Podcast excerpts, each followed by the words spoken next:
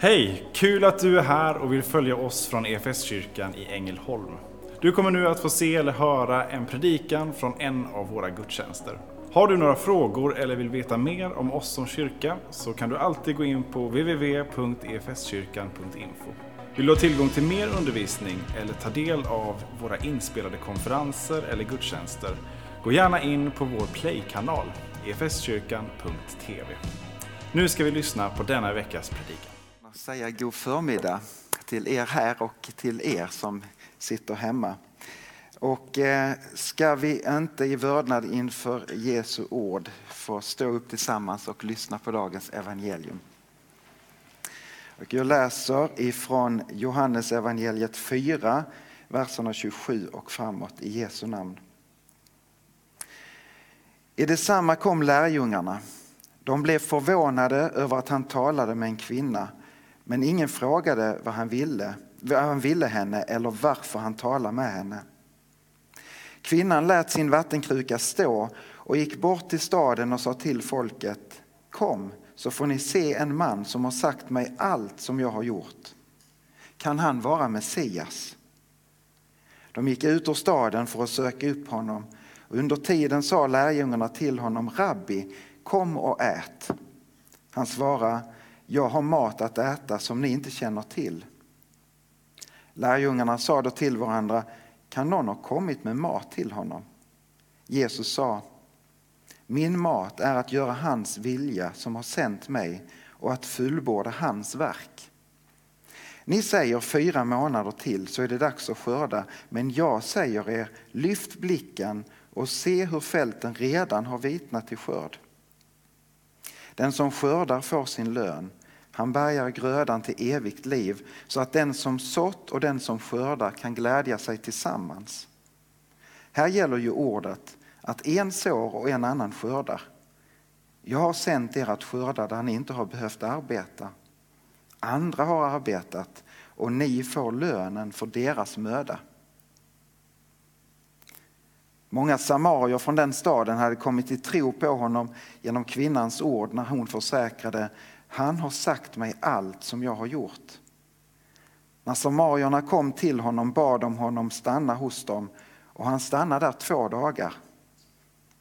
Många fler kom till tro genom hans egna ord och de sa till kvinnan nu är det inte längre vad du har sagt som får oss att tro. Vi har själva hört honom och vet att han verkligen är världens frälsare.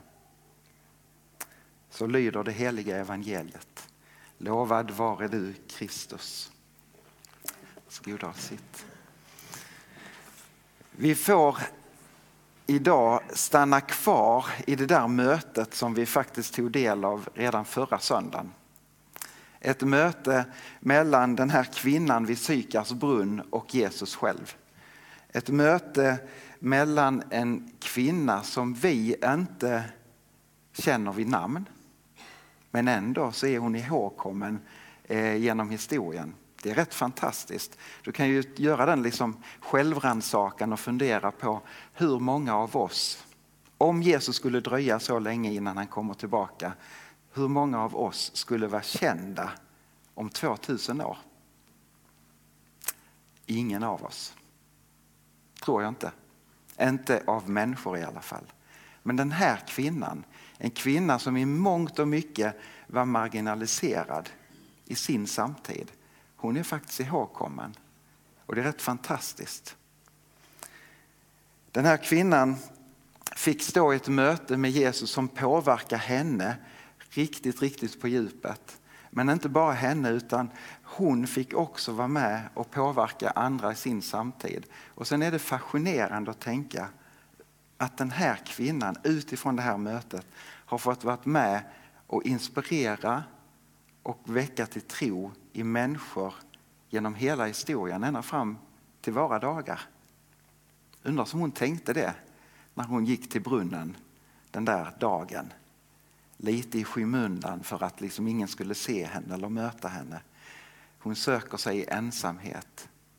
Vad hade hon för tanke när hon skulle hämta vatten den där dagen? Oavsett så kommer vi ihåg henne. Förra söndagen så, så blev vi också påminda om hur den här, liksom, det här mötet inleds med vi läser i vers 4, liksom en vers som nästan är ett evangelium i sig. Där det stod att Jesus som var på väg tillsammans med lärjungarna från, Galileen upp till, eller från Judeen upp till Galileen. De hade befunnit sig nere vid Jordanfloden och varit, liksom, det står, Johannes skriver, de var tvungna att ta vägen genom Samarien. Jesus säger, jag måste ta den vägen. Den vägen som en rättrogen jude försökte undvika, huvudvägen mellan de här landsdelarna. För att man ville inte ha med det samariska folket att göra. Man försökte undvika det. Men så måste Jesus gå den vägen. Och, och, och den här måste som andas så mycket av Guds hjärta. Gud ville möta med den här kvinnan, men inte bara med den här kvinnan, utan Gud ville också möta med andra människor genom henne. Det är rätt fantastiskt. Ett evangelium i sig. Och så fick vi, det här blir en liten recap bara för att liksom plocka upp det som vad vi, vad vi är i berättelsen. Förra söndagen fick vi då liksom inledningsvis fascineras över detta att Jesus ställer en fråga eller egentligen en uppmaning till kvinnan där vid Sykars brunn. Och Jesus bryter så många barriärer och murar i, i den där frågan. Kan du ge mig något att dricka? Också utifrån den frågan så får de till att komma att föra ett samtal om inte vattnet som vi liksom dricker från en brunn så, utan om vattnet som ger levande eh, liv in i evigheten. Egentligen om frälsningen, om vem Jesus är. Jag är det levande vattnet och jag vill ge av livets källa. Och det väcker en längtan och en förväntan i den här kvinnan. För hon uttrycker det, ge mig av det vattnet, jag vill dricka. Och så när hon står där med den här längtan och förväntan så kommer det en annan uppmaning eller en annan fråga från Jesus som avslöjar kvinnan på ett väldigt dramatiskt sätt. Det är den här passagen som vi inte faktiskt har läst varken förra söndagen eller idag utan den som ligger mellan de texterna. Läs gärna det i sin helhet, Johannes kapitel 4. Men Jesus han säger så till henne. Gå och hämta din man. Eller kan du hämta din man? Så jag har ingen man, säger hon. Och så, så säger Jesus, ah, där talar du sanning. Den man du har nu är inte din man och du har haft fem andra män. Och så någonstans avslöjar Jesus det som kanske har varit det som har skapat skam i hennes liv. Som har skapat att hon på något sätt har marginaliserats och hon har smugit sig ifrån staden för att hämta vatten. Men Jesus avslöjar inte henne med liksom den här tonen av att Jaha, jag ska sätta dit dig, där ser du min sann och dag. Liksom så här. Nej, han väcker inte den där skammen i hennes liv utan den har nog byggts på hos henne. Hennes självbild som gör att hon liksom marginaliserar sig själv har skapats av omgivningen som har tyckt om hennes liv. Och kanske i mötet med andra människor men kanske också i mötet med sig själv. Ah, jag är inte värd. Jag är inte värdig. Skulle vi bli avslöjade inför varandra, hur skulle vi reagera? Alltså sådär riktigt dräpande avslöjade. Kanske vi hade reagerat så som människan, den första människorna reagerade i Edens lustgård i syndafallet. Man börjar skylla på annat, man börjar skylla på varandra, man börjar komma med ursäkter och sen så springer man och gömmer sig. Men det är så härligt och se vad som händer i mötet när Jesus avslöjar. Kvinnan står kvar och säger, du talar sant. Du måste vara en profet. Och där är nog någonting av en ton i Jesus som, som andas ett avslöjande som mer andas befrielse och inbjudan än att liksom stöta ifrån. Och så, så väcks också ett, en bekännelse i kvinnans liv. Läser vi den här delen så, så, så reagerar hon att jag tror att Messias ska komma. Och när Messias ska komma ska han låta mig veta allt. Och så visar Jesus att han är svaret på den där längtan. Han säger, det är jag, den som talar till dig. Jag är den där Messias. Och då är vi plötsligt framme vid den texten som vi läste idag.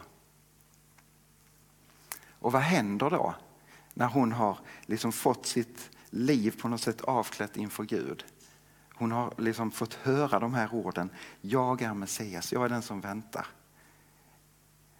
Någonting sker i henne som kanske stavas iver. Hon blir ivrig och tar sig tillbaka till stan. Hon lämnar vattenkrukan precis som att ja, skulle jag hämta vatten, ja, men jag strunt i det. Allt annat blir på något sätt oviktigt. Och hon tar sig tillbaka in i staden. Samma stad som hon bara en stund tidigare har smugit sig ur för att ingen skulle se henne. Där springer hon in och så säger hon, vet ni vad? Jag har mött en man som har sagt allt om mig. Kan han vara Messias? ställer hon för frågan. Och så väcker hennes liksom fascination över mötet med Jesus. Det väcker nyfikenhet hos i alla fall några i den här stan. Det står till och med att det väcker tro i några av de här människorna. Och de söker sig själv ut till brunnen för att möta Jesus. Och så får de lyssna på honom. Och så blir de fascinerade och så kommer den här önskan hos dem som får smaka på Guds härlighet. Kan du inte stanna kvar? Kan du inte dröja kvar? Petrus och Johannes och Jakobs reflektion uppe på förklaringsberget. Ska vi bygga en hydda när vi de har fått se Guds härlighet i, i Jesus liksom sa. Stanna kvar. Är det inte en sån önskan som vi också kan ge uttryck för i våra liv? När vi har fått smaka på någonting av Guds godhet, stanna kvar.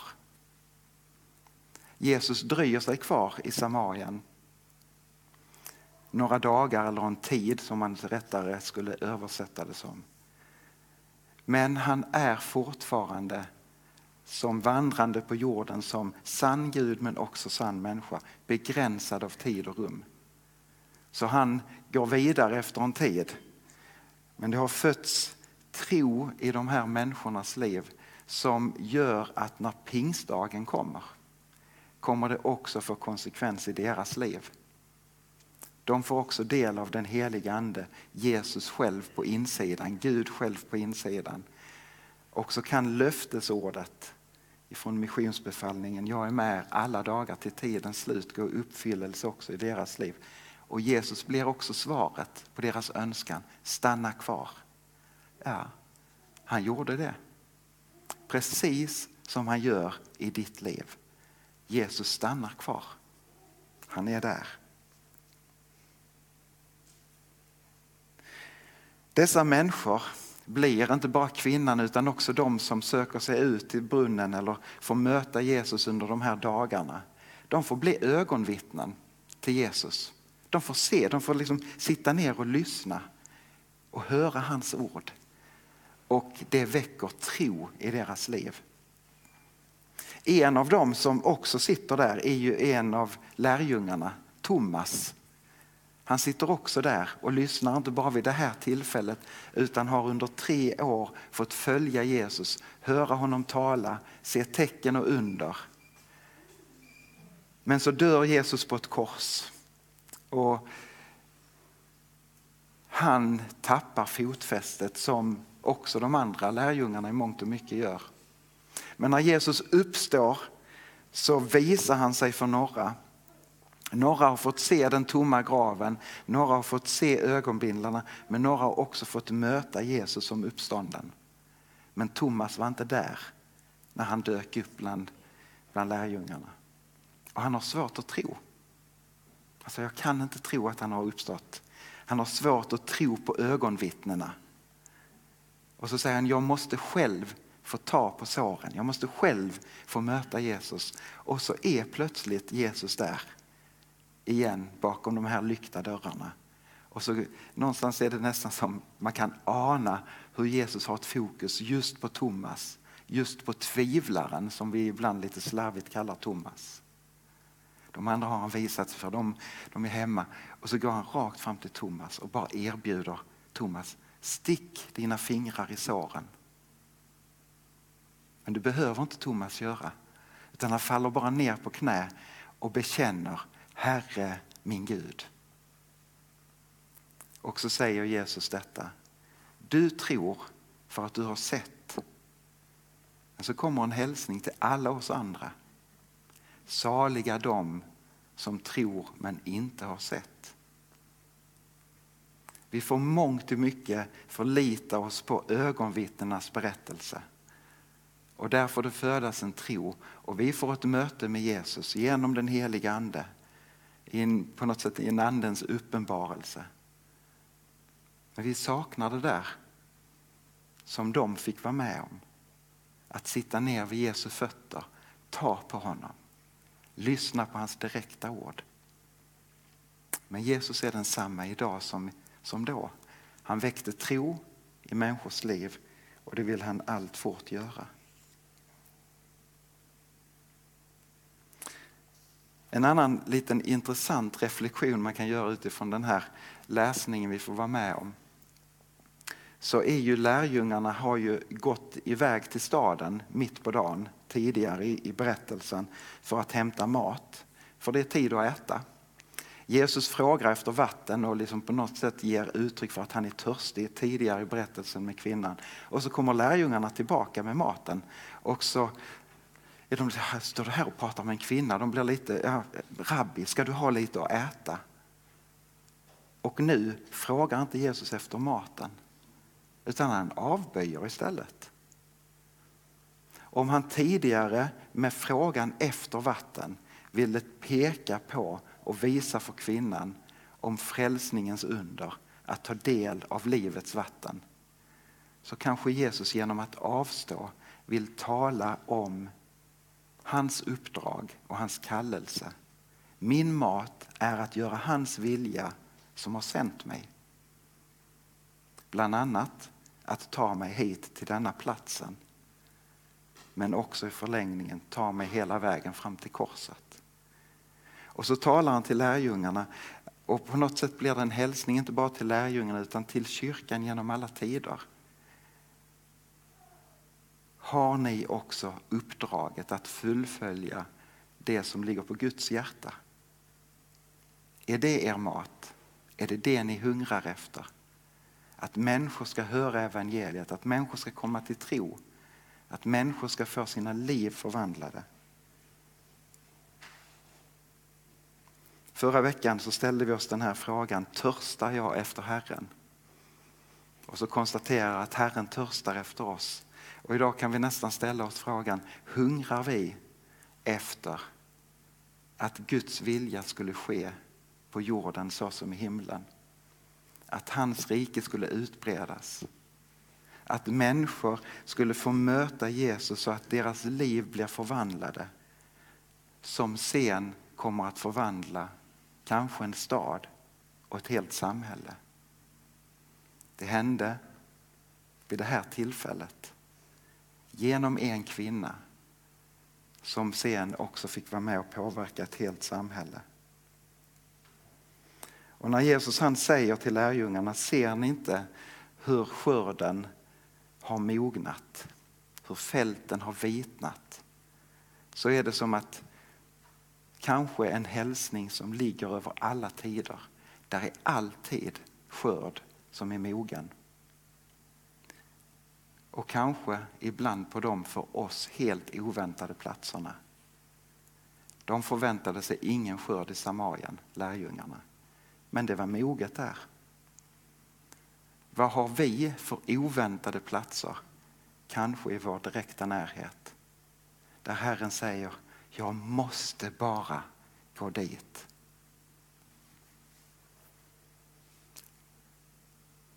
Och så är vi kallade att vara Guds ambassadörer och Jesus sändebud.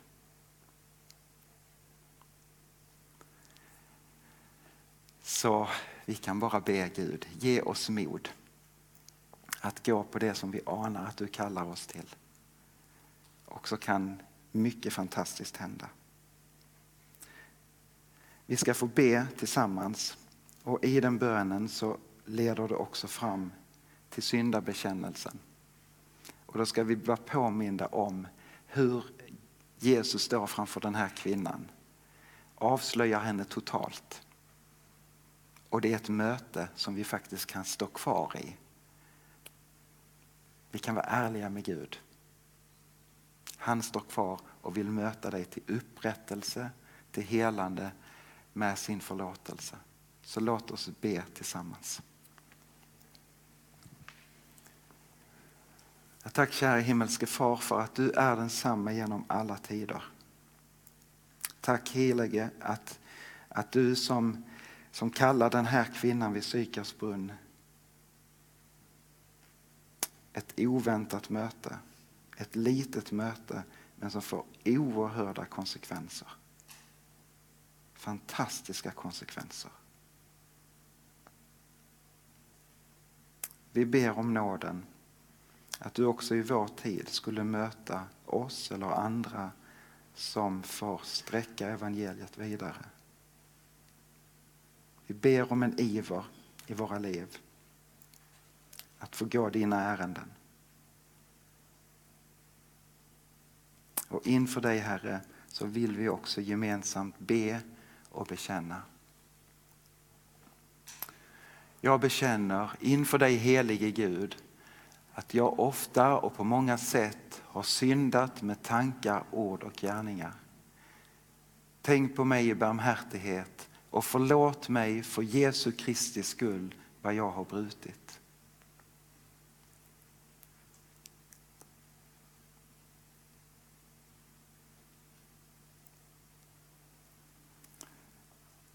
Till dig som ber om syndernas förlåtelse säger jag på Jesu Kristi uppdrag, du är förlåten. I Faderns, Sonens och den helige Andes namn. Amen. Låt oss tacka och be. Gud vår Fader, tack för att vägen till dig alltid är öppen genom Jesus Kristus. Hjälp oss att leva i din förlåtelse. Stärk vår tro, öka vårt hopp och uppleva vår kärlek. Amen. Som kyrka är det en glädje att få spela en liten roll av allt Gud gör i och genom ditt liv. Vi vill gärna fortsätta följa dig på den resan. Och vill du ta reda på vad ditt nästa steg kan vara på din resa med Gud så gå in på efskyrkan.info nästa steg. Vår längtan är att få se människor och samhällen förvandlade av Jesus. Genom en kyrka som återspeglar Guds hjärta bär varandra och betjänar människor varhelst vi befinner oss varje dag.